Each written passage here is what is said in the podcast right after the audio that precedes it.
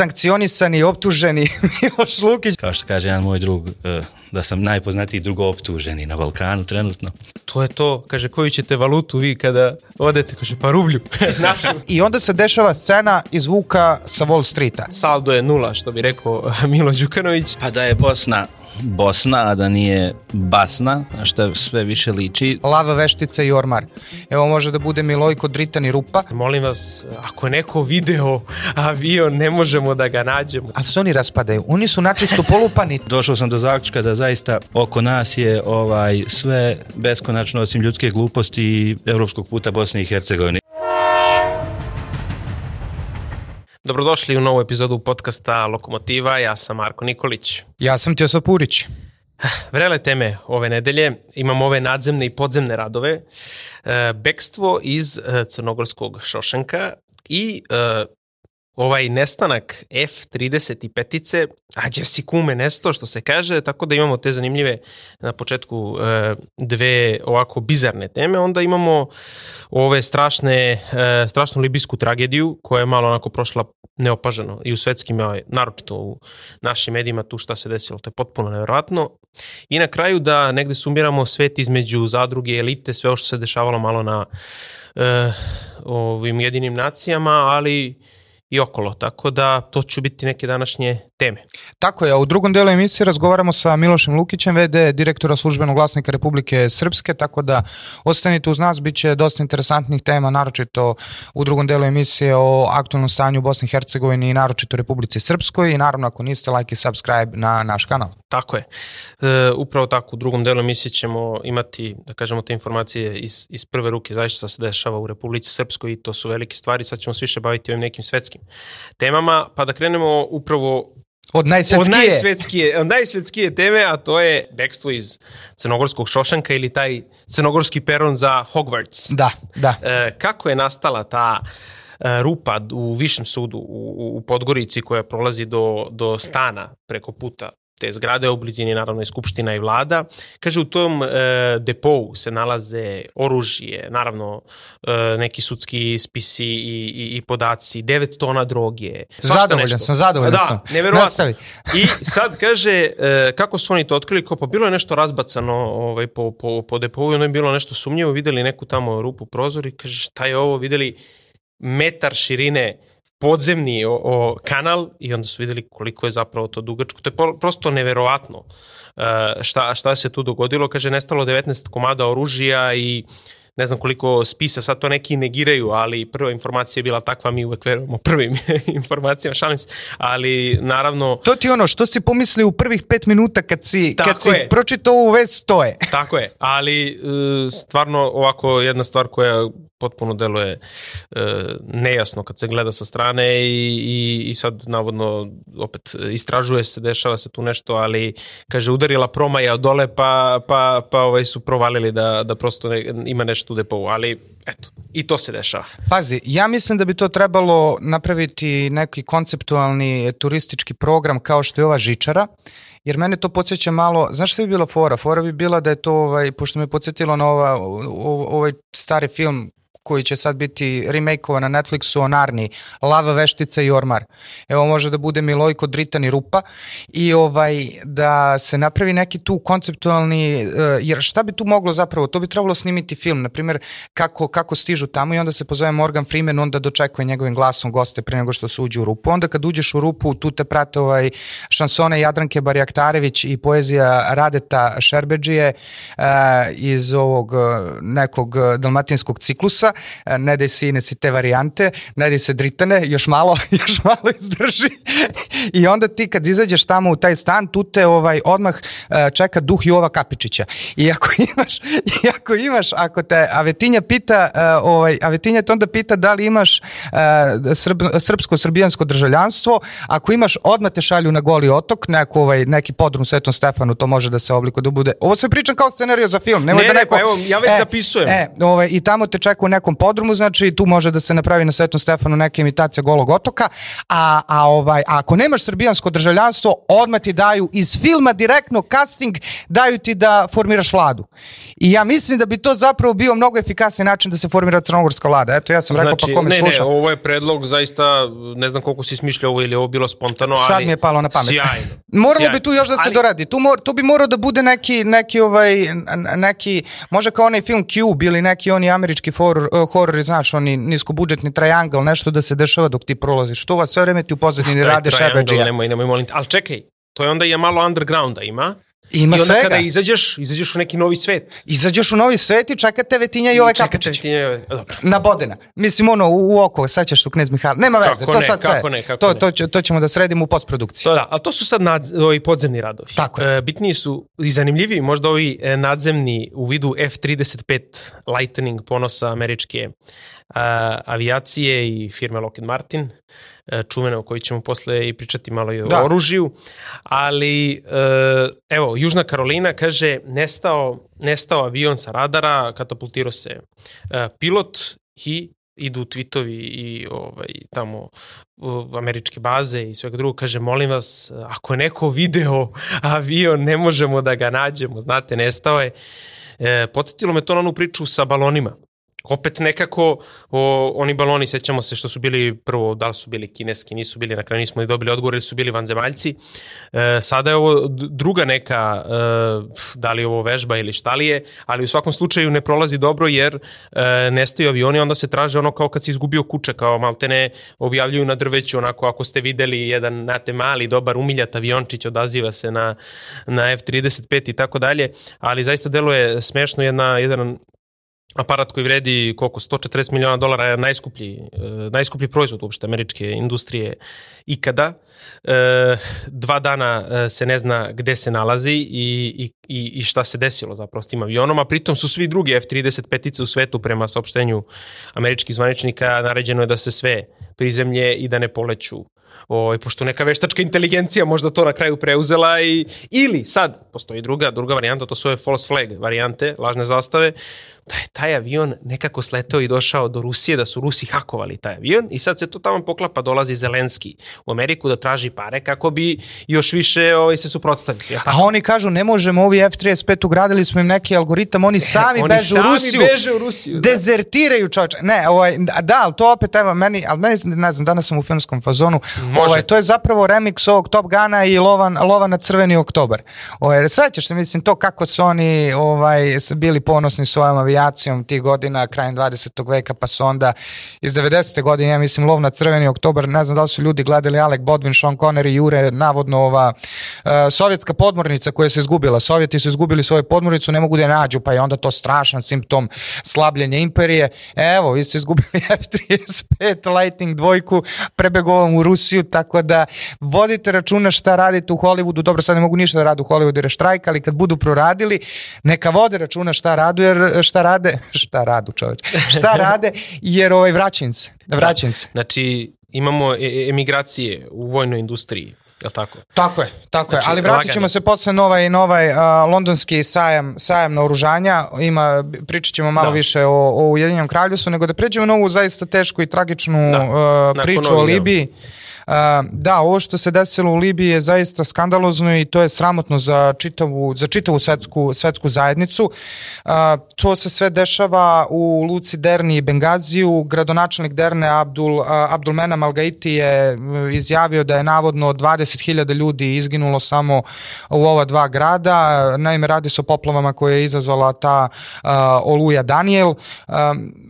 Neki kažu da je samo u Derni izginulo 5.000 ljudi, neki kažu da je oko 3.000 ljudi, bilo kako bilo, radi se o zaista stravičnim, e, stravičnim scenama. Video sam da su, da su ruske neke snage od- stigle tamo i da već pomažu uh, ljudima. Ima pomoći, ali naravno ne sa ovog zapadnog dela Da, video sam. Rusiju i Tursku jedino da su Tako. poslali uh, pomoć, mislim Libija koja je tu uvek, uvek se pričalo, evo sad vidimo i velike opet inače izbeglice u Italiji, uh, izgleda veliki priliv uh, migranata, ali to je sve opet povezano i sa Libijom u krajnjoj liniji. I znamo kako je to sve i počelo u krajnjoj liniji, sve velike migracije sa nestabilnošću u Severnoj Africi, ali e, nekako nikako da vidimo tu, tu šta se dešava, da li Evropa tu uopšte nije važno, ako im nije važno onda što im smetaju te izbeglice, a što onda ne omoguće tim ljudima dole da žive i tako dalje i tako dalje. Ja bih tu samo kratko ovaj, uh, sam, da Chris Hedges, dobitnik Pulitzerove nagrade na, na, na, na ovom sajtu Common Dreams napisao zapravo da NATO pakt treba isključivo da snosi za odgovornost za ovo što se dešava u Libiji zbog toga što su uh, saobraćajna infrastruktura, energetska infrastruktura, uh,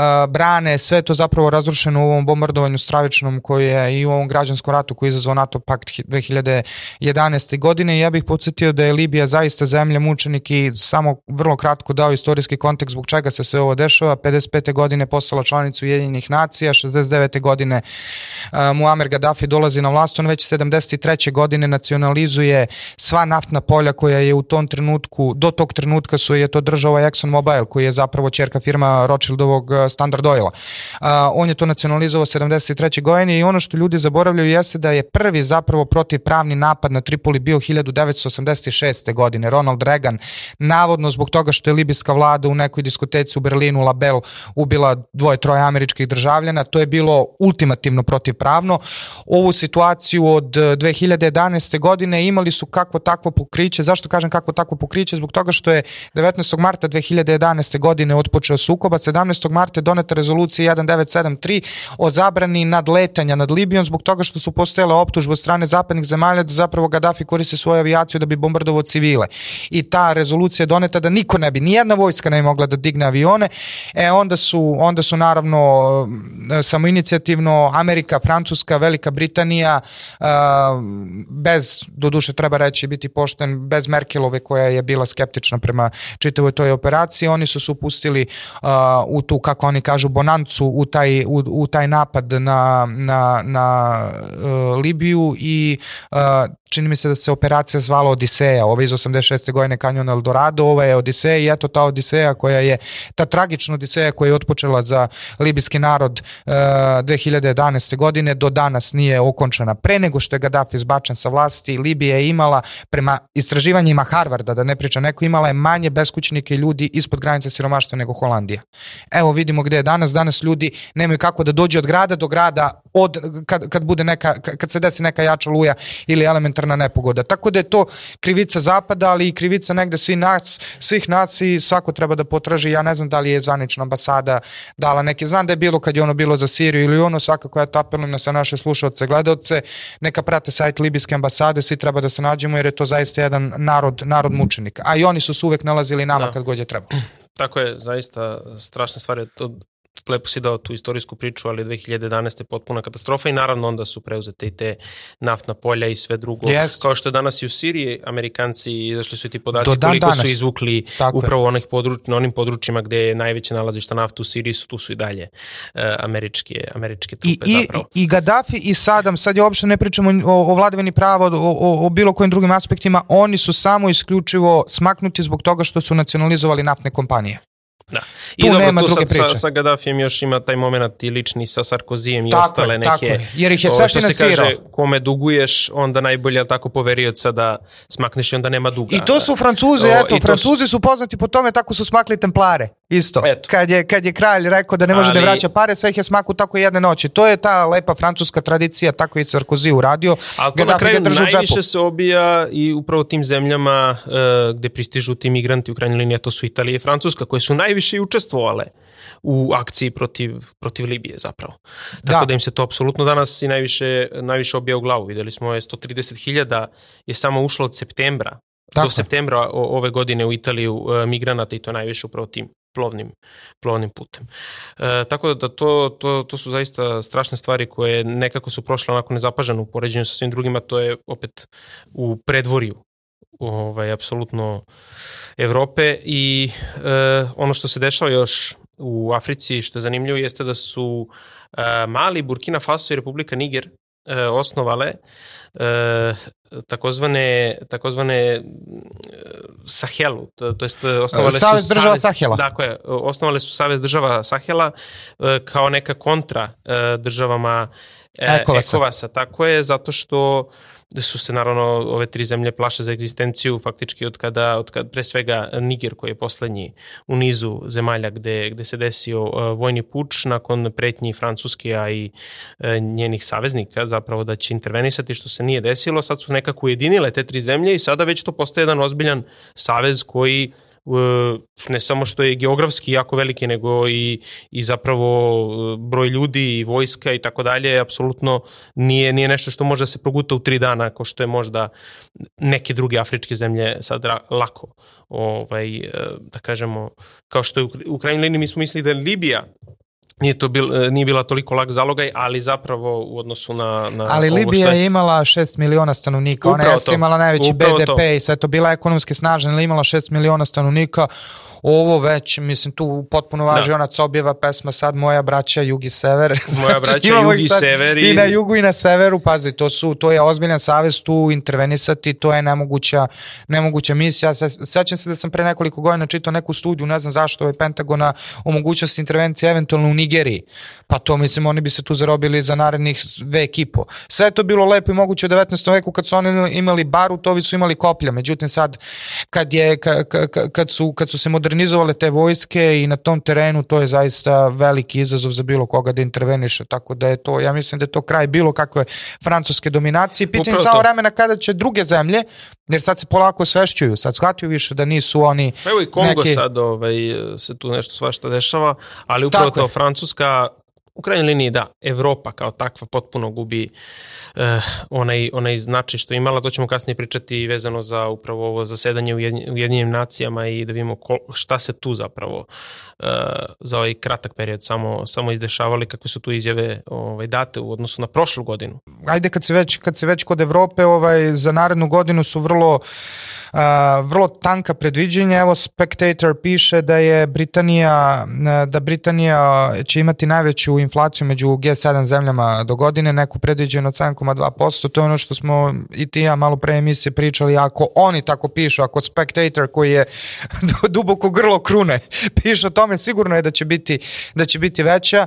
Uh, sad je Rishi Sunak krenuo da okrivljuje kišu zbog toga što ekonomija stagnira, ali je sve to interesantno jer je ova 20 23. godina zapravo završava, završava se taj uh, stogodišnjica uh, od 29. septembra 1923. godine kad su Britanci preuzeli mandat nad Palestinom i kad je Britansko carstvo doživjelo svoj teritorijalni vrhunac.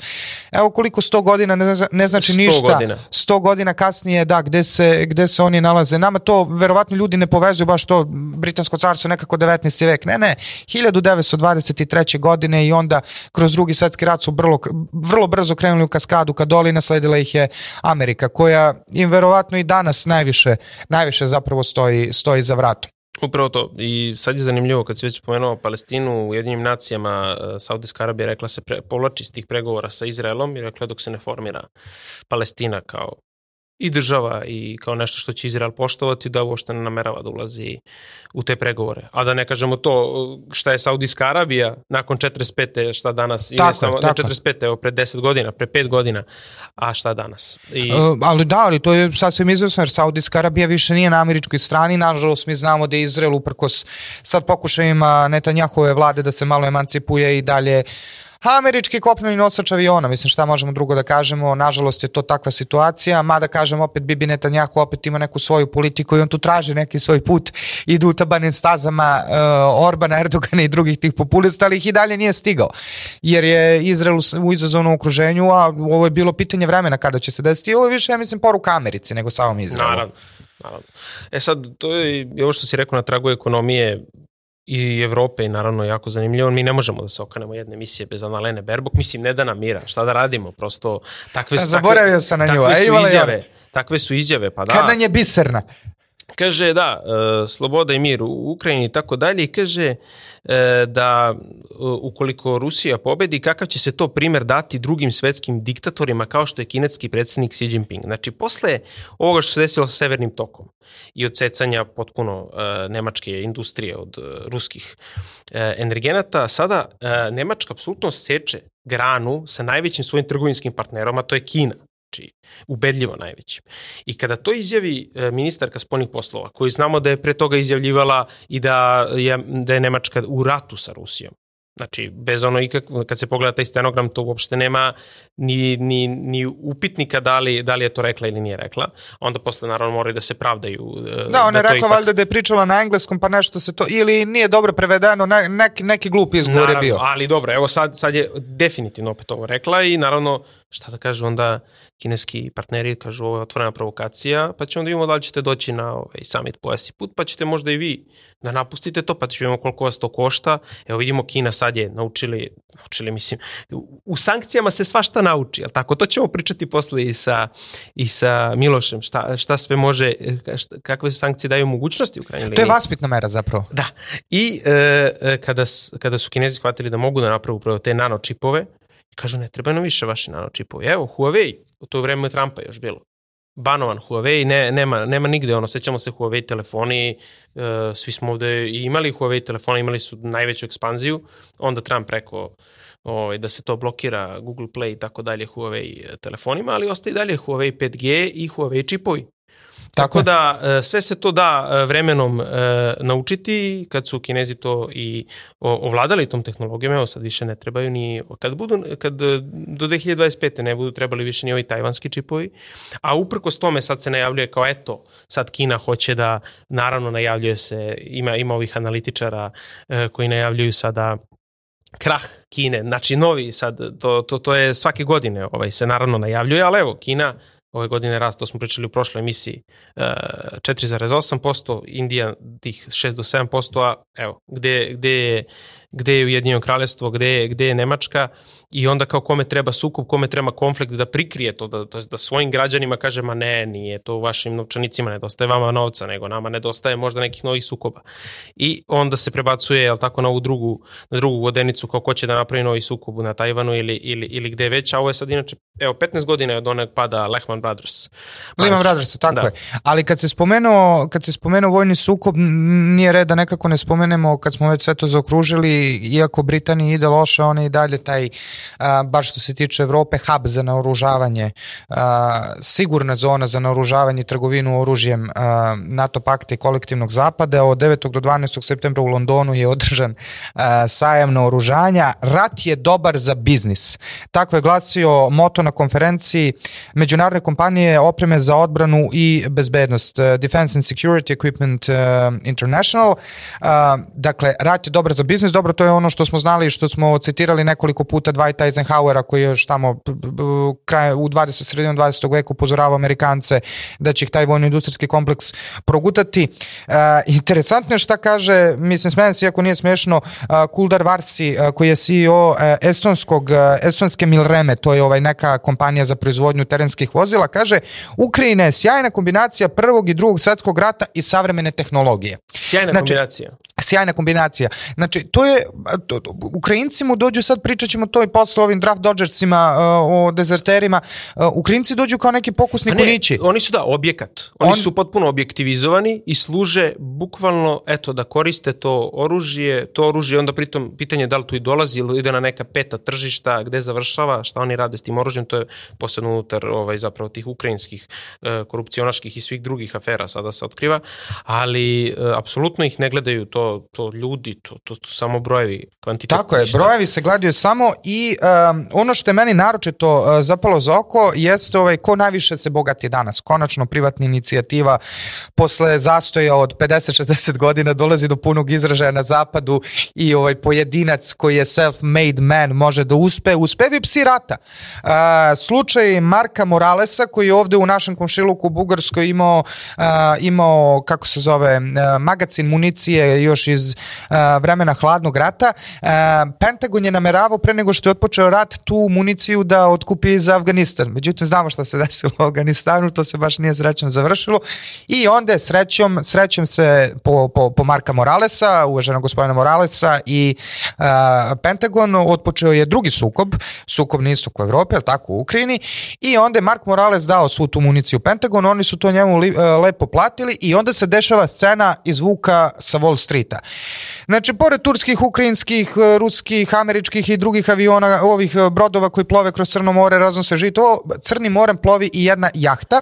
Ta jahta se zove Srećni okidač i to je jahta od 10 miliona dolara koju je kupio prethodne nedelje i uvrstio u svoju kolekciju jahti pomenuti gospodin Morales upravo od ovih transakcija sa, sa, sa Pentagonom i sa zvaničnim NATO paktom i Sjednim američkim državama. Da, pa to. Tako da ovaj, nije istina da na zapadu loš ide, ide dobro, ko hoće, ima posla ko hoće da radi. Da, ali u toj industriji, je li tako? A, a ove Pa, druge to, na, po, pa koja druga, mislim, oni su, ali to su... To A to su je kao voda, znači oružje uvek nađe put. Ali Brit- da ti kažem, Britanci, Amerikanci, mislim, to su bilo Britanci sa svojim piratima ili Amerikanci sa svojim jenkijima na divljem zapadu, to se znalo da su uvek ti razulareni pojedinci koji, koji zna se kako su dolazili do svojih posjedi, davali malo parče kolača državi koja je dozvoljavala njima i tolerisala ih da, da čine razne nepočinstva. Eto, to je klasičan primjer sa, sa ovim psima rata, tako da, tako da ovaj, eto, Da. to je, to je ono, to, on, on, i oni su čak u boljem, to je ukupan suma sumarom ovog sajma na oružanju u Londonu, da psi rata zapravo najbolje prolaze, kad se gleda pojedinačno. Šiše Pojedinačno, i ove, da. si, šiše i ove CEO-ove, ovih velikih Ali evo, sećaš se e, konzorcijuma. da smo u prošloj pričali ovo za Analenu opet i za Kulebu i za to da će isporučiti Nemci kad bude se reklo da se isporuči, e, pa evo reklo se. E, evo Jens Stoltenberg kaže Nemačka da isporuči te Tauruse. rakete Taurus, pošto su i Francuzi, i Britanci, i Amerikanci već isporučili te rakete srednjeg i dugog dometa, sad evo i Nemci da isporuče. Tako da nedelju dana smo čekali i dobili smo o, informaciju da je došlo naređenje. E, čekaj, ali vrlo Nismo su interesantne te transakcije između Ukrajine i, ovo će sad ružno da zvuči u kontekstu ovoga što zapravo hoću da kažem, ali te transakcije između Ukrajine i Evrope. S jedne strane imamo problem što Ukrajinci, što Zapad neće da kupuje žito ukrajinsko, je li tako? Čak i Hrvatska rekla, ovaj, mi smo tranzitna zemlja, šta će na žito, dobaremo cenu, cenu hrvatskom poljoprivredniku, mi pozdravljamo tu odluku braći Hrvata, treba se vraćati na put suverenosti, ne bi bilo loše da to primeni na neke druge aspekte svoje domovine, ali ovaj, a, sa druge strane je interesantno da ova cela situacija sa draft Dodgersima zbog toga što je, to jest ljudima koji su pobegli od rata iz Ukrajine, sećamo se kad je počela cele godine specijalna vojna operacija, to su, pa je bilo tu i rasizma, to su bili beli, fini migranti, nisu bili kao ovi, pod znacima navoda, citiram njih, divljaci iz a, subsaharske Afrike i iz a, Magreba. E sad ovaj, desilo se to da, da, da je Zelenskom su zapravo date odrešene ruke, čak postoje snimci, to može ko hoće da, da traži po internetu, postoje snimci Ukrajinaca koji su dezertirali u Europsku uniju, a, koji snimaju zapravo da su im stigli pozivi u druge zemlje, to jest u treće zemlje, uh, su im stigli pozivi da se vrate da se vrate na front. Zelenski je malte ne postao šerif na tom divljem zapadu, on može da hapsi kako želi. Zašto kažem šerif i da je divlji zapad? Zbog toga što po Evropskoj konvenciji je nemoguće da uh, vršiš ekstradiciju koja je zapravo institucija krivičnog prava ukoliko je prekršaj po, počinjen po vojnom pravu. Znači u slučaju dezerterstva, u slučaju dezerterstva, izbegavanje mobilizacije uh, ili ili oglušavanje je, apsolutno, naređenja. Da, pa to su upravo jedna od osnova ovih svih migranata što su primljeni iz Afrike i iz, iz Azije jeste to da su oni bežali od rata i da su samim tim potpuno legitimno došli na e, u Evropu i imaju sva prava koje sad to omogućavaju pojedinačne zemlje. Tako je, to je po evropskim konvencijama, tako bi trebali, na to su se pozvali Pa Česi dobro, kada toga su... nema ništa, naravno, tih Na to isporuka, su- mislim, ljudi to... A, pazi, vidjet ćemo, za sada su Poljska, Mađarska, Češka i Nemačka odbile i to su neke ludačke brojke koje, imaju, koji, koji ove zemlje imaju vojno sposobnih uh, Ukrajinaca. Da, Pazi, ali kako bi, šta, oni bi hapsili te ljude i deportovali ih kao... to traži Zelenski. Pa dobro, da, ali mislim. To traži, ali dobro, treba videti jer postoji, ipak postoji, činilo se da nema granice, postoji granica. Znači, Poljaci imaju 80.000 Ukrajinaca vojno sposobnih, kod Mađara se ne zna, Mađari nisu ni hteli da pokreću celu tu istragu. U Austriji do duše ima 14.000 vojno sposobnih koje takođe odbija e, i Nemačka ima, oni imaju tačan broj Nemci, 169.287 Ukrajinaca vojno sposobnih, znači između 18 i 54 godine. Tako da, uh, a, a, a sve se to dešava u trenutku kada Ukrajinci sa, sa zaključno sa prošlom nedeljom imaju, procenjuje se 71.000 mrtvih od početka kontro, kontrofanzive.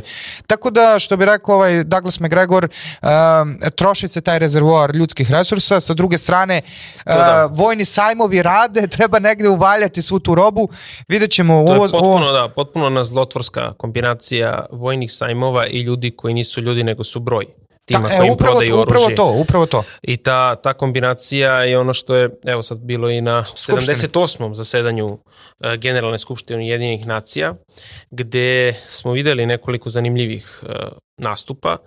E, evo, meni lično je bio najzanimljiviji predsednik Irana Raisi, koji mora da otkriva, izgleda i otvara oči svetu i da kaže Amerika ima dugoročni plan da oslabi Evropu. To kaže u centru Njujorka. E, I da ovo što radi Evropa ne da nije u interesu Evrope, nego uopšte ne razume ko su ti ljudi i za šta se oni zapravo pitaju, a da e, je okončanje ovog rata u Ukrajini jedino što bi Evropu spaslo. I to kada kaže Raisi, a kada uh, se onda pojavi Zelenski koji nit govori o tome koliko je ljudi upravo to nastradalo, jer uh, ako, ako njemu kao predsedniku zemlje koji 2019. dobio mandat sa tada izbornom kampanjom da će, da će ostvariti najbolje moguće odnose sa Rusijom, danas uh, ima toliko onih uh, strašnih videa o ovim uh, grobnicama i tako dalje, da je ta zemlja potpuno sravljena, sahranjena praktično, I on sad sledeće godine opet treba da budu izbori, koji je pitanje da će se održati po svemu sudicu, obzirom da je tamo blokirana i opozicija i svaki drugi vid informisanja osim državnih e, informacija i kada on izađe i kaže e, izađe znači, na govornicu, kaže Rusija je razvalila Siriju, Libiju i krene da priča o, o takvim stvarima.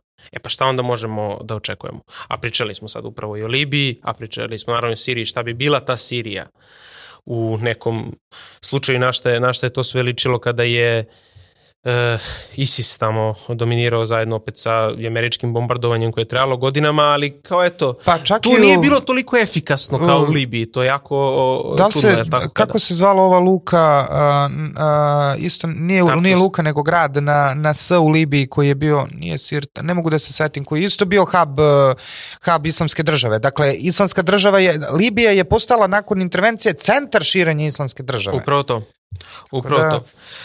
E, druga Tako stvar da je Trump, izvini, Trump je bio u pravu kad je povezio sa Hillary Clinton.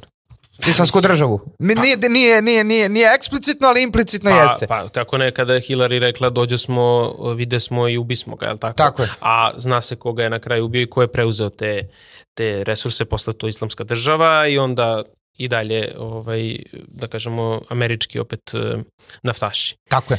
E, što se tiče drugih stvari što se desilo na, na, na zasedanju Skupštine Jedinih nacija, to je bilo zanimljivo obraćanje e, predsednika Poljske i taj moment što smo spominjali sa žitom i to da su tri zemlje, to su Poljska, Slovačka i Mađarska, zabranile i transport e, ukrajinskog žita i onda je izgleda došlo do tih nekih malo sukoba u tom, e, u tom odnosu koji je za koji se zna da uvek Poljska zapravo tu igra jednu dvostruku ulogu i koja je rekla gde o, Duda je rekao e, kao čekajte pa mi vama sna- snabdevamo s oružjem bolje da se malo smirite jer mi smo vam glavni dostavljač preko nas ide svo vaše oružje, tako da nemojte mnogo da tu talasate, dok je e, Zelenski nešto najavljivo, čak neke tužbe i ko zna, ko zna kakve smicalice, tako da vidimo da se tu u tom e, istočnom, kažemo, bloku NATO saveza, e, nije to tako sjajno ko što, ko što pričaju i ne samo to, nego i Poljska i sa tim pretenzijama prema istoku Ukrajine, to... Zapadu. Zapadu, pardon, zapadu Ukrajine, gde su nagomilane jedinice i gde se samo čeka faktički moment da se zauzmu određeni delovi. Čeka se dan D, tako je. E, tako da to su, to su zanimljive neke stvari koje smo videli na zasedanju Ujedinjene skupštine i Bilo mi je mnogo interesantno kad si pričao, samo si zaboravio da spomeneš ovaj rejsi, ne znam dalje sve vreme drže Kuran u rukama dok je Tako to pričao je, kao tako je, propovednik. Tako, tako da je, ovaj tako to je, da, to je zaista bio si, i ono isto što je spomenuo predsjednik Vučić, ovaj a, da je Lula dobio veći aplauz od od Bajdena. Mislim to su to su sve neki simbolički momenti koji ti dosta govore o zapravo Upravo to. buđenju tog nekog kako ga zovu globalni jug ili mogli bi da zovemo BRICS-ov a istok. Predsednik Lula je pričao o uh, Assange-u i direktno je spomenuo Assange-a i njegov rad i to o dezinformacijama i to šta se priča na zapadu, a šta, a šta je zapravo. I to naravno uvek se setimo onog videa iz Iraka i one e, praktično igre dronova kada se bombarduju civili i za šta postoje imena ljudi koji su to radili sve, ali ne postoje, ne postoje, jel tako, ne podležu krivičnoj odgovornosti u Hagu i Da. Ništa se tu ne dešava. Tako da to jeste bilo zanimljivo i jeste dobio najveći aplauz zapravo predsednik eh, Brazila Lula, dok je Biden najviše pričao o teritorijalnom integritetu i suverenitetu. To, to je jako, jako zanimljivo, a ta ljudska prava su ostala negde po, po trećoj strani. Pa dobro, vraća se politika na, ozbiljna politika se vraća na, na veliku scenu, pa da, pa, pa to jeste problem, dok je bila ova, ova kvazi politika ljudsko-pravaška, tu su mogli likovi kao što su Biden i Kamala Harris, koji u poslednje tri meseca, koliko sam ja slušao, nije mogla da sastavi jednu smislenu, prosto proširenu rečenicu, tu tad su mogli takvi likovi, ne znam, Macron koji ti danas bude predsednik Francuske nuklearne zemlje, pa te sutradan ga parkiraju u izvršni odbor neke banke i Liz Strass i ostali, ali danas je vreme za državnike, danas si treba, treba ti jedan Si, treba ti Putin, treba ti Reisi, treba ti Gaddafi treba ti Ibrahim Traore, možda su još potrebniji od ovih ljudi koji su na čelu velikih sistema kao što su Putin, Si, tako to su ozbiljni sistemi, ali jedan Ibrahim Traore, Gaddafi, uh, ovi predsednici država Sahela, to su, to su ozbiljni ljudi. Tako je, evo Raisi koji otvara oči Evropi, a uzgred to, evo, kad smo spomenuli to Jan Lenu Berbuk i kaže, mislim, ministarka spolnih poslova kaže da treba prekinu odnose i sa Kinom i sa Rusijom, pa najbolje da, šta? E, a znaš šta, dok, ja sam... Dok Amerika, naravno, samo jačate odnose i trgovina zapravo raste između ovih zemalja. Ja sam razmišljao, mi smo mnogo grubi prema Naleni Berbuk jer zapravo postoji jedan gori lik. Kako sad gori? Pa mislim gori, bolji, bolji, upravo si, bolji, bolji. Uh, zapravo bolji, a zašto bolji, vidjet će se, čuće se. Uh, Justin Trudeau, Oh. Ovaj, uh, Justin Trudeau A pričali je, smo o njemu zapravo. Je, jesmo, jesmo, ali pričali smo, malo smo ga spominjali u, ovom, u ovim našim delovima prvim. Uh, Justin Trudeau je muč, mučenom Bidenu koji je onako pada po ravnom putu, uh, kliznu letu u noge. Uh, taman je Biden sve lepo smislio kako Indiju da izoluju od Rusije, Kine, naravno sa poznacima navoda. Uh, tu su bile ovaj razmene nekih uh, srdačnih poruka, sećamo se u američkom kongresu i tako dalje. Međutim, pojavi se Justin Trudeau u ime ljudskih prava, koje Biden pametno nije spominjao, uh, da, da ovaj, optuže Indiju da je navodno Indija na teritoriji Kanade ubila Hardipa Singha Nijara, vođu Sika, uh, i lidera separatističkog pokreta Kalistana. To je jedna zemljica na severu Indije u ovom petoreču, Pendžabu, u ovih pet reka koje se ulivaju u Gang, čini mi se. Nije, nije, nije to sad ni toliko bitno. Uglavnom, ključni problem jeste što je sad, evo kako je, kako je rekao ovaj Derek Grossman iz RAND korporacije, znači jedna vrlo ozbiljna korporacija, konsultantska kuća koja se bavi politikom i daje vrlo precizne ovaj analize, sad je Biden se našao nebranog grožđu, jer on, sa jed, on ima dve opcije. On ima ili opciju da on ima ili opciju da se svrsta sa New Delhijem i da zapravo kaže, da pokaže da je moguće da SAD ne stoje uz svoju članicu, uh, u svoju saveznicu Čekaj, ti hoćeš da kažeš da Kanada ima nezavisnost da uradi to sama bez savjetovanja sa svojim, uh, što se kaže, patro, e, patronom. Vidiš, nema, ali se oni raspadaju. Oni su načisto polupani, to nema, očigledno da tu nije bilo koordinacije, jer se Bela kuća pravi mrtva, uh, ovaj Justin Trudeau, on čovek, on čovek vodi krstaški rat, on je krenuo sad u napade direktno, a pazi, uh, Kanada, Kanada je donela početkom godine strategiju koju Indiju smatra strateškim partnerom i to radiš. Mislim, cela priča je mnogo složenija zbog toga što naravno uh, indijski režim drži, drži uh, ovog Hardipa Singha Nijara kome Kanada dala aziv odgovornim za ubistvo nekog hinduističkog sveštenika, pa su to sad, ali suština jeste što se ponavlja Kašogi moment. Znači, svi se sećamo kako je Biden obećavao u predizbornoj kampanji da će Saudijsku Arabiju pretvoriti u pariju zbog ubistva navodno Kašoge u Istanbulu. Dešava se malte na ista situacija, samo što ovaj put nije Biden taj, nego njegov ključni saveznik. Mislim, da li će, da li će Modiđa i Shankar i ostatak ekipu u Indiji sedeti reći, pa ne, ovo su Kanadjani sami, ovo je neka... Ne, to je očigledno da je neko, ko tu koga sad sabotira, to je isto veliko pitanje, ili što je ovo što ja mislim da se oni jednostavno raspadaju, da više ne znam gde je pa levo. Jeste Biden čim je došao zapravo na mesto predsednika, prvo je rekao to da je, e, da je direktno odgovoran Bin Salman za ubistvo Kašogija, što naravno sad vidimo i kao posledice i politike Saudijske Arabije. Upravo to, tamo su krenuli da glada odnose sa Indijom, ode sve niz vodu. Pojavio se Justin Trudeau, ode sve niz vodu. I... Pojavio se ono svojim umesto da je lepo dao, čarapama i, rekao šta ima. Je, jesu, ovaj, umesto, umesto da je dao ovom, ovom, ovom, ovom vođi Sika, mislim sad će ovo ružno da zvuče, ali oni tako rešavaju sve probleme, jednu hormonsku terapiju, prevrno ga na žensko i, i promenio mu identitet. on, ovaj, on, ga, on, on je ovaj, dozvolio da bude... U staroj kanadskoj tradiciji. U staroj dobroj kanadskoj tradiciji on je da. dozvolio da. da bude ubijen u tako jednoj pravnoj državi na pravdi Boga Eto, da. šta da se radi? I još jedna stvar se zanimljiva desila, upravo vezana za razmenu e, zarobljenika između Irana i Sjedinjenih američkih država, to je da su se desila ta kompenzacija između pet američkih i pet iranskih zarobljenika, ali je zato prebačeno i 5,5 milijardi dolara iz Katarske banke u Iran. I što se kaže saldo je nula, što bi rekao Milo Đukanović. I uglavnom naišli su na veliku osudu naročito republikanskih uh, lidera i, i, i Donalda Trumpa za to uh, što se desilo, ali je to prošlo ovako nezapaženo. I da znači pet za pet, ali i pet i po milijardi i onda smo dobri. A vidiš kako je to interesantno, mi ima, eto imamo, i to je logično pošto smo i mi geografski u Evropi, pa nam je bitnije da dođu republikanci na vlast, ali tu tačno postoji podela rada, demokrate su zadužene za sukobljavanje sa Rusijom i za davljanje Evrope, a republikanci su zaduženi više za ovo azijski deo, za Kinu, Iran i, i tako da pitanje tu veliko šta će da se desi ukoliko se, ukoliko se promeni ovo, samo će se ovo težište sa Ukrajine pomeriti verovatno ka Tajvanu i ka dalekom istoku ako se dese promene koje su gotovo izvesne do godine u Americi. Upravo to. To ćemo naravno čekati i komentarisati. Naravno i sledećeg meseca uh, veliki događaj, to je uh, konferencija Pojas i put u Kini gde očekujemo to jedno čekamo. velika dešavanja. Tako. To je to za prvi deo emisije, možemo da najemo gosta za drugi deo emisije. Miloš Lukić, tako je, kao što tako smo je. rekli, vede direktora službenog glasnika Republike Srpske. Ukoliko niste, like i subscribe na naš kanal i vidimo se u sledećem delu. Dobrodošli u drugi deo podcasta Lokomotive. Kao što smo rekli i najavili, danas sa nama vede direktora službenog glasnika Republike Srpske, sankcionisani i optuženi Miloš Lukić. Dobrodošao. Hvala ti, bolje te našao. Uh, moram te samo malo ispraviti, još uvijek nesankcionisan. Dobro. Uh, kaže moj kum, skoro je bio ovaj neki novi paket sankcija protiv funkcionera u Republike Srpskoj kaže, e više nisi bitan, nisi na ovom, ovaj, među sankcionisanima. A greot. e, baš. Mlad čovjek, a nije pod sankcijom. Mlad čovjek, a nije pod sankcijom. Uh, ali dobro, da, činjenice da, činjenice da je uzavrelo stanje u, u Bosni i Hercegovini i Republici Srpskoj narod, pogotovo ovaj, zbog ovo kako ga Marko i ja zovemo zalutalo građanina Šmita, nelegitimnog, neizabranog koji, je, koji se eto nekako pojavio, obrao se u Bosni i Hercegovini bez mandata bilo koje međunarodne instance.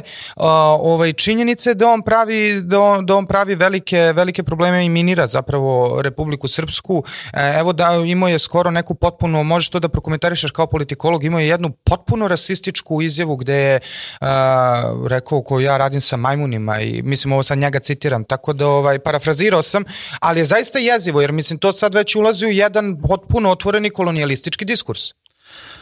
Pa da, dobro se rekao, to je čisti ovaj, ponašanje kolonijalnog upravnika u nekim zemljama trećeg svijeta. Evo na početku ću ajde krenuti od ovog posljednjeg što si ti govorio u, u vezi sa tim što je rekao da njemu sve to izgleda kao da se igraju majmuni i mislim da mi svi treba da dobro povedemo računa o svom diplomatskom govoru prema gospodinu Šmitu. E, pa ću ja reći samo e, šta ja mislim da je dovelo do toga. On je u nekom svom prethodnom e, profesionalnom radu bio ministar poljoprivrede u Njemačkoj. I znate kako svi ljudi koji se nečim bave često se poistovijete sa profesijom. Pa učitelji nekad podjetinji pred kraj života, ne znam, IT-evci krenu da nam pričaju o ovim formulama i floskulama. Izgleda da se on bavio mnogo stočarstvom tamo, pošto Njemačka jeste predstavnica ovaj svinjogojstva u Evropi. Pa vjerojatno se poistovjetio sa tim svojim klijentima i tako se sad ponaša u Bosni i Hercegovini. E, sve ono što on radi kod nas ima za cilj samo jednu stvar, to jest jedna stvar im je top na njihovoj agendi, a to je oduzmanje imovine Republici Srpskoj. I mi u Republici Srpskoj, narod, institucije, svi su nekako uh, jednoglasni u toj odbrani od, od, od tih napada i kada su oni sad to prepoznali, oni sada pokušavaju nekim okolnim putima da dođu do toga. Sa ovaj proces evo, koji spomenuo i koji se vodi, kao što kaže jedan moj drug, uh, da sam najpoznatiji drugo optuženi na Balkanu trenutno, pošto je predsjednik Dodik je prvo optuženi, je potpuna farsa u, u smislu da, kao što rekao, a kao što i svi znaju, Schmidt nema nikakve procedure koje stoje iza njega, nema nikakvu uh, čak i da, je, da postoji te procedure, on nema nikakvo uporište pravno za, da donosi zakone, ali je sve to jedan test da se vidi da li ćemo mi da li, ćemo slomiti, da li će nam slomiti kičmu na ovoj situaciji, onda će u budućnosti definitivno prvo ići na, na imovinu, onda na proširenje oduzmanja nadležnosti Republike Srpske.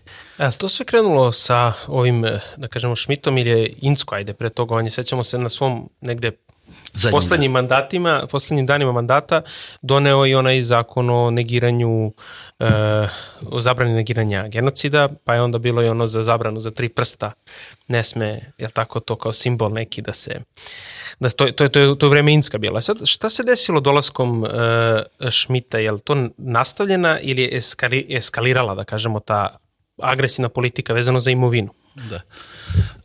Pa Insko je, Insko je, mislim, posljednji dan svog mandata nametnuo taj zakon o zabrani negiranja genocida koji ima još niz odredaba, odredaba ovo što si rekao, e, kako si rekao, koje se tiču i, i toga što se može protumačiti na različite načine.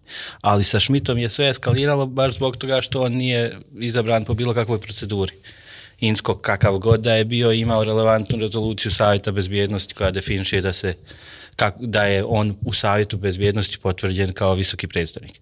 Čak uh, je ta, čini mi se, ajde sad nemojte me 100% držati za riječ, kada je Schmidt biran, Kina i Rusija su predložile da on će podržati rezoluciju ukoliko njegov mandat bude godinu dana i da se onda zatvori OHR, to je kancelarija visokog predstavnika. I to sad za sobom, međutim, to je ignorisano, on je došao i predstavlja se tako.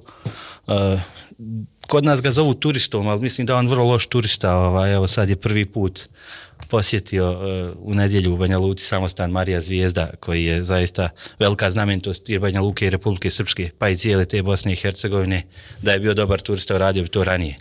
Ali evo i to nešto pokazuje, nekad su se naši ovaj, ljudi krili po manastirima, sada se njihovi kriju. Uh, mislim da je sa njim to sve eskaliralo baš zbog toga što je on svjestan da nema legitimitet i da on mora da se ponaša uh, poput tih zapadnih diplomata razbijača, da bi obezbijedio sebi neki, neki legitimitet, međutim to vrijeme je prošlo i on je tu naišao na, na tvrdo što se kaže, tako da njegova nervoza sa svakim danom sve više i više raste. Mislim čovjek je imenovan uh, bez da postoji odrednica kad mu počinje mandat, kad mu se mandat završava, šta je uopšte njegov mandat tu. Tu se postavlja i pitanje ako ne postoji visoki predstavnik, kako može postojati kancelarija visokog predstavnika u Bosni i Hercegovini, jer uh, su one vrlo usko u tim svojim uh, aktima o osnivanju povezane, jer visoki predstavnik, kancelarija visokog predstavnika je služba visokog predstavnika. I on nije u nekom tehničkom mandatu pa da se kaže da postoji neki uh, E, interregnum iz, između dva imenovanja, već mi de facto nemamo visokog predstavnika od, od Inskovog odlaska a po Dejtonskom sporazumu bi, bi trebao da postoji, je tako taj? E sad, oko Dejtonskog sporazuma tu ulazi onako neka uh mhm. -huh. konspirativna tema, nigde se i ne zna gde je taj originalni sporazum. Evo sad jedan od kreatora, Bill Richardson je preminuo, e, baš smo komentarisali to u prethodnoj emisiji, e, šta se od Dejtonskog sporazuma već, da kažemo, oduzelo od prava Republike Srpske, do ne, od glavnih, da kažemo, nekih temelja na kojima počiva Republika Srpska, a šta je sad ono što im je dakle još ostalo? To je taj zakon o imovini i šta se krije zapravo iza toga? Nekako da otkrijemo ljudima šta, šta znači taj uh, zakon o imovini za postojanje Republike Srpske? Pa da, visoki predstavnici i to je bilo potpuno nelegalno. Znači, do sada su 163 nadležnosti prenijete sa Republike Srpske na, na nivo Bosne i Hercegovine. Ajte one osnovne, naravno, nadležnost u pogledu odbrane, to jest ukidanje Vojske Republike Srpske koja je integrisana u zajedničke bezbjednostne snage koja je mogla da postoji kao što u Americi postoje nacionalne garde koje su de facto vojske uh, saveznih država. Velika, velika rana kod nas je i zakon o porezkom sistemu, to jest u, u indirektnim porezima, jer je on definisao sistem tako da uh, se od naplate poreza primarno finansiraju institucije Bosne i Hercegovine. I sada uh, te institucije na nivou savezne države, te zajedničke institucije na nivou Bosne i Hercegovine imaju više zaposlenih nego što je imala administracija više Jugoslavije. I oni njih tako pokušavaju zapošljavati u nedogled zato što znaju da koliko god mi poreza da uplatimo u Republici Srpskoj, tih indirektnih poreza prvo se finansiraju o, potrebe institucija Bosne i Hercegovine, a ono što ostane se prebacuje na naš budžet. Ima tu zaista nadležnosti e, u pogledu prikupljanja ljekovitog bilja, čak su i to eto htjeli da, da oduzmu u Republiku Srpskoj. Kažem, 163 nadležnosti. Mi kada smo ovaj, pokušali da vratimo, evo, na primjer, nadležnost u oblasti, u oblasti uređenja prostora trgovine lijekovima. Jer nam se dešava da E, štiteći neke interese tih farmaceutskih kompanija sa zapada, e, ne dozvoljava se uvoz lijekova iz Rusije, koji su zaista efikasni u liječenju nekih bolesti. Ili ovih lijekova za rak sa, iz Kube i to se blokira. I to blokira se iz federacije, isto kao ti lijekovi neće pomoći ovaj, i ljudima tamo. I mi smo pokušali da vratimo tu nadležnost to jest vraćamo u procesu je, vraćamo tu nadležnost na, na nivo Republike Srpske, e, Amerika je sankcionisala ministra zdravlja ja ne znam da li u bilo kojoj drugoj zemlji postoji ova situacija da je ministar zdravlja sankcionisan uh, zbog toga što ne poštuje međunarodni ugovor. Da bi mogli ljudi da se leče. Faktički. Da, pa da. Uh, a kada, kada govorimo zašto je imovina bitna, uh, trenutno uh, Republika Srpska je vlasnik i Dayton je to definisao. Sva imovina koja nije izričito u vlasništvu zajedničke države ili savezne države pripada entitetima. Entiteti njome raspolažu. Sada je došao američki ambasador koji ima tu tezu da e, ne može kao država biti bez imovine. Iako Bosna i Hercegovina ima svoju imovinu, to je dio imovine koji se odnosi e, na, na zgrade institucija, na granične prelaze, na imovinu koju, kojom upravlja oružane snage Bosne i Hercegovine.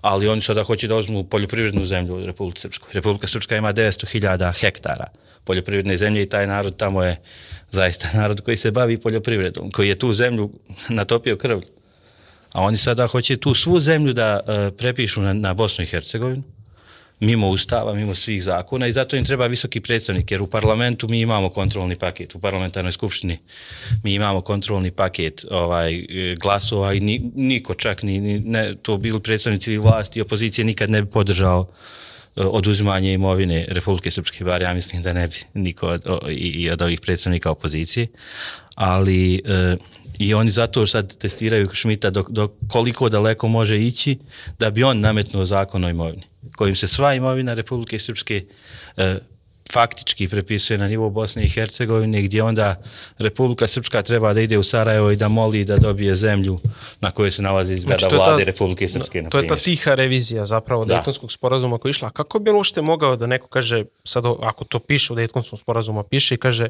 to više ne važi, sad ta imovina prelazi. Znači to bi on mogao da uradi, ne sud kao ustavni sud, nego on lično bi to. O, oni, uh, ustavni sud takođe je imao te namjere.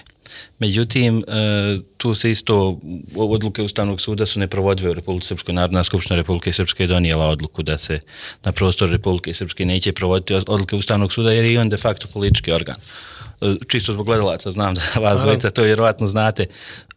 U Ustavnom sudu sjedi devet sudija dva sudija, dvoje sudija iz reda srpskog naroda, dvoje iz reda hrvatskog i dvoje iz bošnjačkog i tri stranca. I u pravilu 90% diskutabilnih odluka koje je donosio Ustavni sud su donošene tako što su za njih glasale dva, dva, dvoje sudija Bošnjaka i troje stranaca. Od uh, dvoje sudija Bošnjaka oboje su visoki funkcioneri stranke demokratske akcije Alije Zetbegovića. Da. A o, o troje stranaca opet naravno e, donose sve odluke preglasavanjem Tako drugih je. sudija. E sad kako se, evo, hrvatski narod koji je isto Dejtonskim sporazumom ima status uh, naroda koji je da konstitutivni, konstitutivni da. narod, tako je.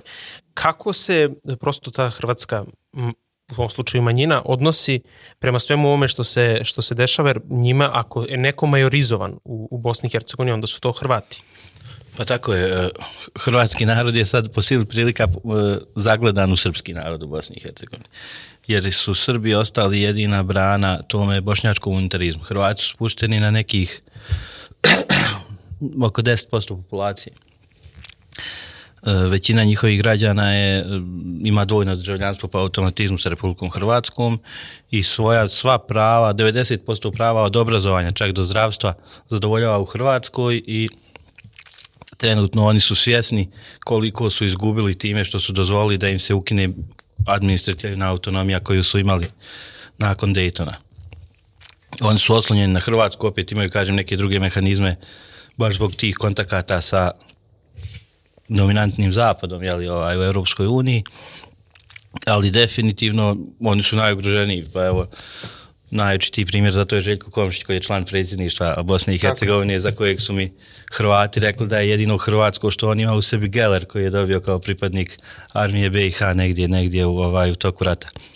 I tu, su, tu je možda Bosna i Hercegovina zaista avangarda u svijetu, evo mi sad imamo taj svijet u kojem je sve trans, ovaj, polno, seksualno i rodno, a Željko Komšić je možda prvi primjer transnacionalnosti, pa ovaj, može da bude Hrvat kog, kog nijedan Hrvat ne, prihva, ne prihvata kao takvog. Da. da. I sad da, e, ne, htio sam, pošto je spomenut ovde američki ambasador ovaj, i, i pričao si ovaj, o tome kako se on, kako se on ponaša. Uh, sećamo se svi one priče, ako bi to mogo da razjasniš, ovaj, uh, duh Daytona, slovo Daytona. Ta zapravo priča o duhu, to je kao ona priča o evropskim vrednostima. Kad ti to nametnu, znači hoćete rade šta oni žele. Može samo čisto da ljudima ovaj, objasniš, jer je to, to, to, to čini mi se da je sad malo to palu zapećak. Jer kao da Daytonski sporazum uopšte više nikom nije važan. Pa da, uh od neke 97. 8. godine se počela postavljati priča o duhu Daytona kao o nečemu što je, čega se treba držati. A glavni ovaj, tumač duha je visoki predstavnik. E, I, I to jeste bila ovaj, neki tihi način da, da, da bi svi ljudi prihvatili to, da nije bitno to što piše. To što su svi potpisali, ostalom to ko čega se svi saglasili i zbog čega imamo taj mir. Uh, Pa se do, počelo pričati o Daytonu kao ludačkoj košulji jel, za Bosnu i Hercegovinu. Mislim, svako vidi ono čega se plaši i ono ovaj, što mu je blisko, tako i oni koji pričaju o, toj, o Daytonu kao ludačkoj košulji, vjerovatno vide da, da im je potrebna kao takva. Ovaj, e, e, e, mislim da bojim se da ću, da ću pretjerati u onome što, u bilo čemu što kažem, ali, ali definitivno uh, priča o Daytonu kao ludačkoj košulji i priča o ovome što mi govorimo slovo Daytona. Dayton je, u Daytonu je ustav Bosne i Hercegovine, u Daytonu je uh, mnogo aneksa koji uređuju sve naše stvari i to je de facto sve zakon, to je ono što smo potpisali. Ne može se govoriti, o, kao što se ne može govoriti o duhu bilo kog drugog zakona, tako se ne može govoriti o duhu Daytona posebno jer on međunarodni sporazum iza kojeg stoji tadašnje najveće sile. Tako da mm, besmisleno je to, to, to, to i komentarisati, da neko dođe i da kaže, e, izvini, ovaj zakon je možda definisao da ti možeš voziti kroz na, u naseljenom mjestu 40, ali po duhu tog zakona ti možeš pored škole proći 200, ako meni odgovaraš kao tumač tog zakona. I to je možda najbolji način da to objasnim. Koliko je izazovno raditi u tim okolnostima, naročito što ajde kada već pričamo o avangardi u ovom satiričnom smislu, uh, Republika Srpska jeste avangard u nekom smislu uh, Evrope, jer, uh, kako bih rekao, jedina evropska država, ako ajde zemlja da kažemo, ovaj, da budemo, da budemo ovaj, maksimalno korektni, ali svakako najozbiljnija, ajde da kažemo, politički entitet država, zemlja, kako god nazovemo na Balkanu, koji realno promišlja tu istočnu, proistočnu politiku sa jedne strane i sa druge strane ima, tu je, tu je, ovaj, tu je predsednik i čitavo rukovodstvo koji se ponašaju suvereno u odnosu prema aktualnoj imperiji. I kako, kako ti gledaš eto, na, na poziciji toj koji se nalaziš, koliko izazovno snalaziti su svemu tome? Pa da je Bosna Bosna, a da nije Basna, na što sve više liči, to ne bi trebalo biti izazovno, jer ta pozicija na kojoj se ja nalazim je tehnička pozicija gdje neko ima zakonsku obavezu da objavljuje zakon i druge propise. U, u mnogo zemalja je to, to uh, uređeno na, na takav način da postoji uh, službenik u, u svakom tijelu koje, koje se bavi jeli, objavljivanjem akata, koji šalje službenom glasniku akte na objavu, koji u svoj sistem to unese i službeni glasnik nije neko ko može revidirati ono što stigne ili, ne stigne. Tako da u normalnim zemljama ja bi se bavio vjerojatno jačanjem izdavaštva službenog glasnika, ne znam, tražeći načina da afirmšemo neke naše mlade autore, pisce, pjesnike, ali kod nas je to evo sad postala nažalost par excellence uh, politička funkcija. Što se tiče Republike Srpske, uh, Republika Srpska je evo sad, uh, možemo reći, jel, najzapadnija zemlja euroazijske ploče ovaj, što se tiče tih zemalja koje sarađuju sa zemljama BRICS-a i, i, poka, jel, i, i istakli smo tu, tu inicijativu da bi, da bi postali članovi. E, pa mi nemamo prostora da se ponašamo nikako osim suvereno. Jer smo pritjerani uzazid. Na svako naše popuštanje bi značilo da mi gubimo sve. E, najočitiji primjer za to je Makedonija na Balkanu Makedonija je izašla u susret svemu što je pred nju postavljeno i nikad nije bila nesretnija nego što je danas. Ne znam koji bi bil naredni za, zahtjev za, Make, za, prema Makedoniji, ali ovi sada koji oni ispunjavaju su nažalost besmisleni i, i u Makedoniji ima sve manje Makedonije a sve više svih drugih koji nekome odgovara. Kada Kurti u Tetovu pravi skup Velike Albanije i menjaju se ulica Adema Demićija iz Demaće, da. ma makedonske revoluci, ovih makedonskih revolucionara. Pa tako je, tako je. Ovaj, tako da što se tiče predsjednika Dodika, on se postavlja i on ima snagu koju ima svaki snagu kakvu ima svaki lider koji proističe iz volje naroda i volja naroda je tamo u stvari najveća snaga i, i, i nešto što je održalo Republiku Srpsku u mnogim neizvjesnim okolnostima. Ne znam koliko imamo vremena, ja bih podsjetio da je Republika Srpska nastala uh, u nekim okolnostima kada se stvarno ono, kako kaže, samo sloga Srb ne spašava, jel kako drugi kažu, ne daj Bože da se Srbi slože. Ovaj, i, I 91. kada su svi poslanici Srbi izašli iz te skupštine tadašnje Bosne i Hercegovine, složno su izašli naposlije. 93. kada je cijeli svijet bio protiv Republike Srpske, kada je odbila Vensovinov plan koji je de facto bio o, o, strašno loš po Republiku Srpsku i ne bi je imali da, u današnjem obliku kako imamo. Republika Srpska ostala sama i borila se. borila se protiv svih i održala tu svijest da, da u stvari e, e, suvereno vlada svojom teritorijom. Nekad se malo ovaj zaboravlja, Republika Srpska trenutno je od prilike veličine Makedonije, veća je od Slovenije i Crne Gore, tu živi milion ljudi evo na, ne znam, najbolje, pošto kod nas često ovaj, se manipuliše tim podacima, pogotovo u Bosni i Hercegovini u popisu. E, oko 700.000 ljudi je izašlo na izbore u Republici Srpskoj. Od prilike statistike kažu da 700, da on, broj izašlih na izbore je uvijek 60% od ukupne populacije. Tako da Republika Srpska ima, ima jedno zdravo tijelo, da tako kažem, zdrav, zdrav ovaj, sadržaj svih građana koji tu žive i koji prije svega vole svoju zemlju i hoće da žive na, na način života kakav, kakav želi. Nama se nameće taj neki, ovaj, kao i u Srbiji, u ostalom, kao i svima ovdje, način života koji nije prirodan svima nama i, i zbog toga su ljudi često znaju da budu u grču, naši ljudi su postali svjesni da u Republike Srpskoj ne moraju da budu u Grču baš zbog toga što žele da žive kao što živjeli njihovi očevi, djedovi i kako oni žele da žive njihovi unuci u ostalom. Ali meni se čini da je predsjednik Dodik istupio sa jednom, uh, sa jednom vrlo državotvornom suštinski izjavom, ali ne samo na nivou Republike Srpske, nego čitave Bosne i Hercegovine. Jer je, kad je govoreći o Briksu, izjavio da su tamo uh, najveći saveznici i Bošnjaka i Hrvata, poten, i neki jesu, neki jer ako pričamo o Brazilu koji je katolička zemlja, pa nije Kanada sigurno, nego je Brazil katolička zemlja, dakle imaju, imaju tu Hrvati veze, da ne pričamo o Iranu i Saudijskoj Arabiji vezama sa Bošnjacima i tu su na kraju Srbi i s, s, u tom odnosu sa Rusijom. Pošto je spomenuo da imaš komunikacije sa Hrvatima, ali imaš komunikacije sa, sa, sa drugim građanima Bosne i Hercegovine i, ovaj, i, i uh, jel, jel vidiš tu neke, da oni razmišljaju u nekom pravcu da je možda dotralo cara do duvara i da više ovo što radi Zapad ne šteti samo Republici Srpskoj, nego dugoročno bilo kakvom obliku održive zajednice u toj Bosni i Hercegovini. Pa naravno, svi mi tamo komuniciramo, svi smo usmjereni jedni na druge i nije to ne postoje zidovi kakvi se nekome čini.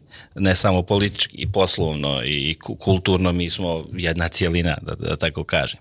E, oni ljudi koji racionalno razmišljaju su svjesni toga da bez obzira šta bi bio proizvod toga da, da, da se taj prostor Republike Srpske i susjedne federacije ostavi na miru. E, svjesni su da bi to bilo izraz volje tih naroda tu. Međutim, postoje elite, političke elite, u ovom slučaju su to političke elite iz Federacije Bosne i Hercegovine koje su koje koriste tu situaciju da da odgovaraju tim ovaj predstavnicima protektorata, ovaj to jest protektora u Bosni i Hercegovini i oni to koriste. I oni su svjesni da to nije dobro jer nije dobro da, da upravljaš zemljom i, i, i ako, ako ne upravljaš njome suvereno, jer ne možeš održavati volju svog naroda. I to ide do jedne granice. Možda i bošnjački narod želi da uredi kantone gdje je bošnjački narod većina na određeni način, a znaju da im to neće biti dozvoljeno. Tako da kod ljudi koji zdravo razumski razmišljaju, preovladava mišljenje da pustite nas na miru, pustite nas da se mi dogovorimo kako hoćemo da, da, da uredimo svoj život u ostalom. Bosna i Hercegovina i postoji na osnovu Daytona u kojem su se svi dogovorili. Niko nije bio van toga i gdje su svi nešto izgubili. Ne možemo ni mi da prežalimo dijelove Sarajeva koji su bili srpski ili, ili, ili neke ovaj, naše opštine koje su ostale u federaciji, jednako kako vjerovatno i, i, i, i drugi i treći, jeli, ne mogu žali za nečim, ali jednako tako naša pobjeda ostaje Republika Srpska. Hrvati tu izgubili svoju autonomiju ovaj, i mislim da se kaju zbog toga. Bošnjaci su pomalo uh, strateški nisu pokazali neku viziju pa su uh, nisu se vezali za Federaciju Bosne i Hercegovine već za tu imaginarnu Bosnu i Hercegovinu koja opet od ozgo treba ostalima da nametne način života.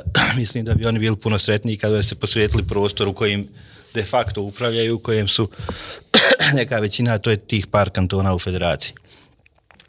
Yes. Ne znam, jesam odgovorio na tvoje pitanje ne, ne, sam nešto sva... Mada, da, da, ne, ne, jesi. Mada imamo situaciju da se zapravo jedan Srbin skoro vrati u Sarajevo. Do duše je malo stariji čovek, jedno yes. 600 godina, ali vratio se. Ali porastao je. Za porastao je. da. A kada se uzme taj istorijski kontekst, je početak 20. veka, uvek su stranci hteli negde i Bosnom da upravljaju i opet to, Austro-Ugarska tada, danas pre svega vidimo Nemačku tu kao nekog glavnog e, eksponenta, ali tada se negde taj narod borio zajedno, ajde da kažemo, protiv pa možemo kažemo okupatora, okupatora. tada. Danas je to nekako drugačije. Kome odgovaraju ti stranci? Da, da li je moguće da je, ti, ti bošnjaci razmišljaju tako da su ti stranci potrebni da nadziru i nad njima u krajnjoj liniji i da imaju stalno nekoga ko će da odlučuje u njihovo ime umesto da kažu ljudi pa čekajte možemo valjda i sami da donosimo neke odluke. Stranci prije svega odgovaraju sebi na tom prostoru, jer e, ta administracija koja se tu nalazi je plaćena uh, skoro isto kao i administracija koja je post, njihova administracija, njihovi predstavnici, ne znam, nije u Afganistanu ili, ili Iraku. Mada tu im nešto ne ide u zadnje vrijeme. A pa žive... malo su ih deložirali iz Afganistana, boga mi iz Iraka. Ono što je ostalo na krovu ambasade. ovaj, eh, pa ima tu eh, jedna priča gdje se žalio jedan eh, od, od diplomata baš u američkoj ambasadi. Jednom našem funkcioneru kaže supruga mi dolazi da živi sa mnom. Kaže, ovo super, naš, bit će ti ispeglane košulje, ne znam ni ja šta sve, imaćeš neki normalan život. On kaže, pa to je loše, odmah nam je manja plata kad supruga dolazi, jer supruga ti uvijek dolazi u stabilnu zemlju da živi sa ambasadorom. Ovaj, tako da... Uh, znači, nestabilna zemlja veće plate. Da, da, i kad nema žene, onda I veće, kad... veće para ostaje. Zanimljivo. Ovo je sjesti. ovaj, strancima je zaista tu uh, cilj sami sebi. Oni imaju ogromne ekonomske interese. Ovaj, ovo vidite sada, američki ambasador je vladi federacije isporučio zahtjev zahtjeve u pogledu koncesija koje oni treba da daju za privatizaciju faktički e, resursa federacije.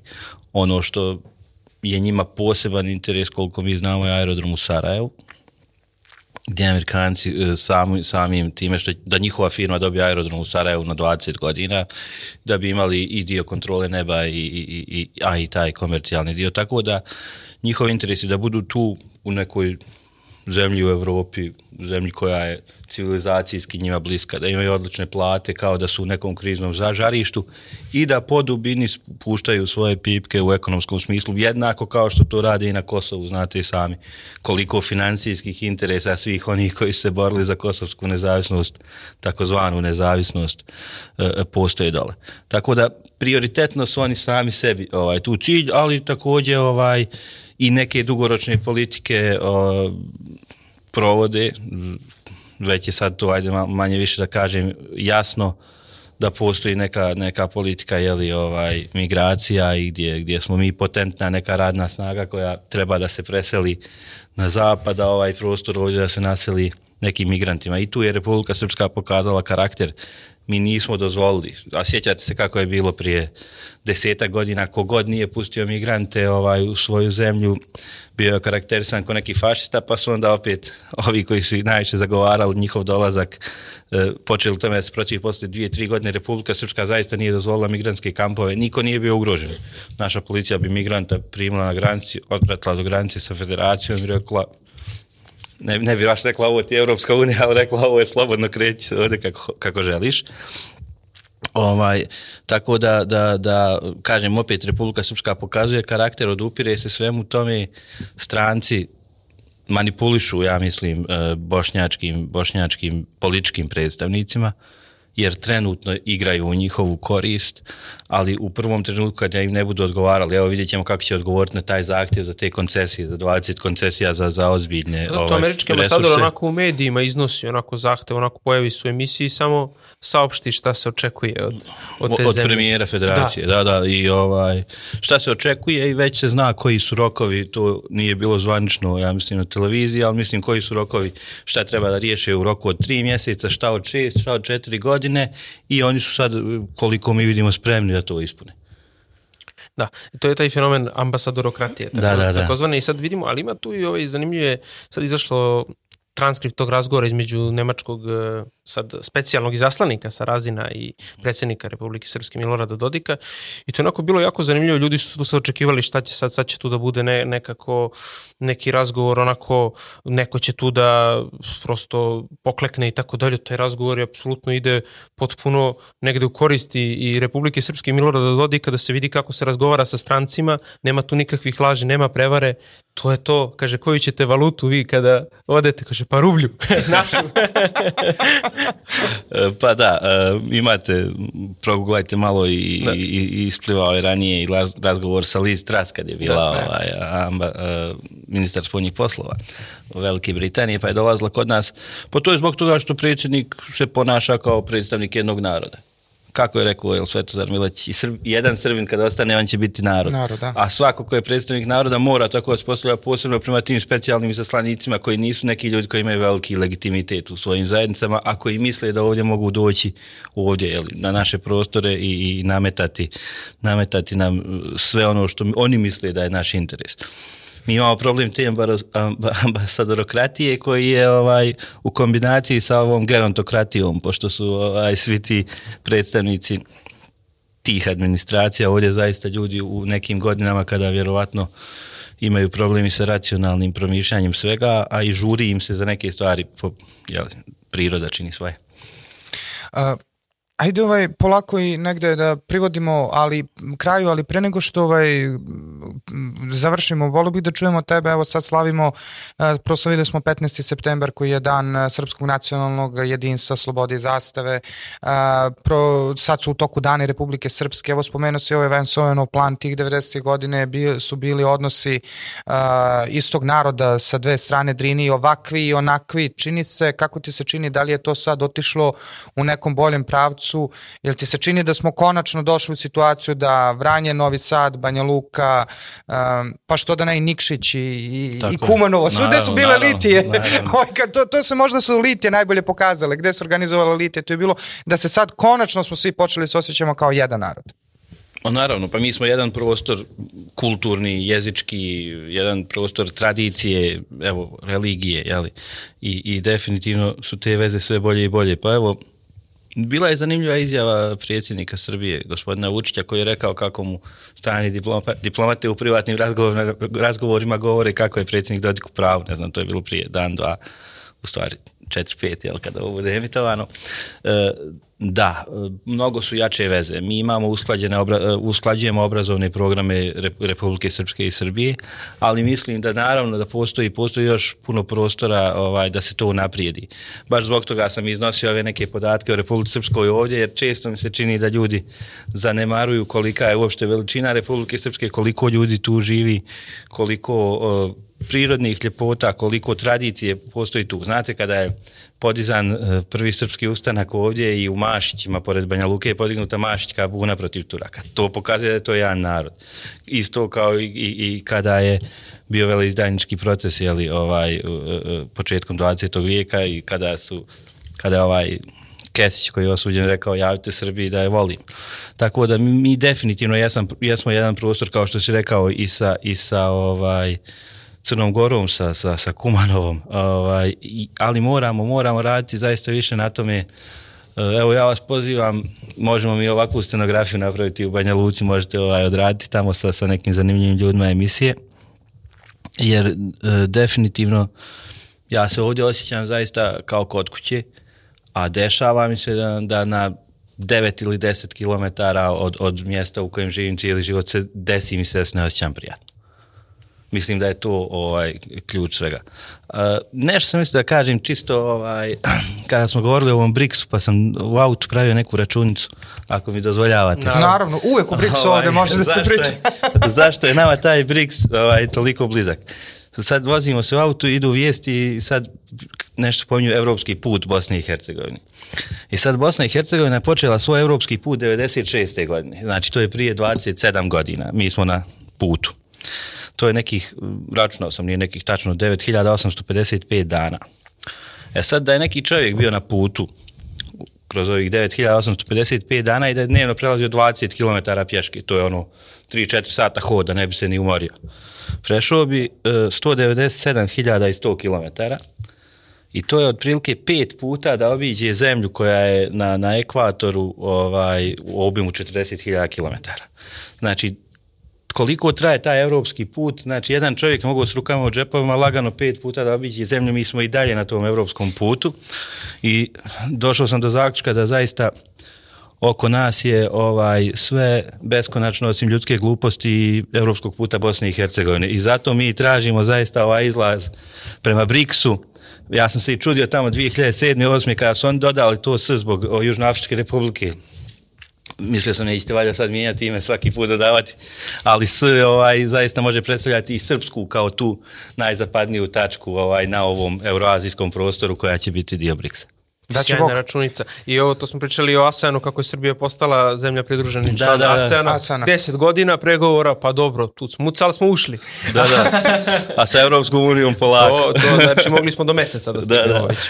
Super, Jeste. e, da završamo polako. Hoćemo, može. Ovaj, naša Hoćeš ti da otvoriš pitanja. naša tri standardna pitanja na kraju, je. da? E, da imaš vremensku mašinu, e, koji bi događaj u istoriji promenio ili možda koju bi istorijsku ličnost voleo da upoznaš. A dobro, kod vas je opšte mjesto da se pomeni kraj Aleksandar u ovom Tako pitanju. je, tako je. Yes. to, to je To- postalo to smo novo opšte zabranili, mjesto. To, smo to, smo, to smo planirali da zabranimo. E, što se mene tiče, ja bi se vratio u neku noviju istoriju. Mislim da bi to bilo prihvatanje onog plana Z4 za krajiške opštine i nikad ne bi prihvatio ovaj omjer u Bosni i Hercegovini 49-51. Znači, ne bi dozvolio taj pad tih zapadno-krajiških opština koje su do septembra, do kraja septembra 95. bile u sastavu Republike Srpske. Sjajno. Um, drugo pitanje, uh, šta bi volio da vidiš na YouTube-u u trendingu kao indikator nekih dobrih trendova promena u društvu? Ovaj, koji sadržaj? Bila je dobra emisija Tehnogram na Sputniku, mislim da to bi ovaj, bilo dobro da bude u trendingu. E, yes, yes, yes. E, ne znam, jel smijem ovaj, tu reklamirati ovdje? Pa šalim dobro, to je bilo. Sad možemo lokomotivu. E, da. Lok, ima dobrih, ima dobrih sadržaja, ima i u Srbiji, ima i nekih ovaj sadržaja koji možda nisu nama ideološki, da tako kažem, bliski, ali evo, e, govornicu Mileta Perića. E, jeste, to je sjajna emisija, bravo, jeste. E, i, i, I to mora da se ide, znači on, on ozbiljno to radi, dugo radi. Tako je. E, ti I hoćeš na kraju poslednje? tri stvari na pusto ostrvo. E, nož. E, Pelagićev narodni učitelj i, i ponio bi neku, ne znam, zolju, bagu, bazuku, neki bacač raketa da mogu da spriječim bilo koga ko hoće da me spasi. Odlično, odlično. Odli... Bilo koga ko hoće da me spasi. Sjajno. Miloše, hvala ti puno na ovom Hvala razgovoru. Nadam se ti je bilo prijatno i e, vidimo se Bože zdravlja što pre. Hvala i vama, bilo je mi prijatno. E, dragi slušalci, dragi gledalci, bio je ovo razgovor sa e, direktorom službenog glasnika Republike Srpske Milošem Lukićem. Ukoliko niste, like i subscribe na našu emisiju i vidimo se sledeće nedelje. Ćao!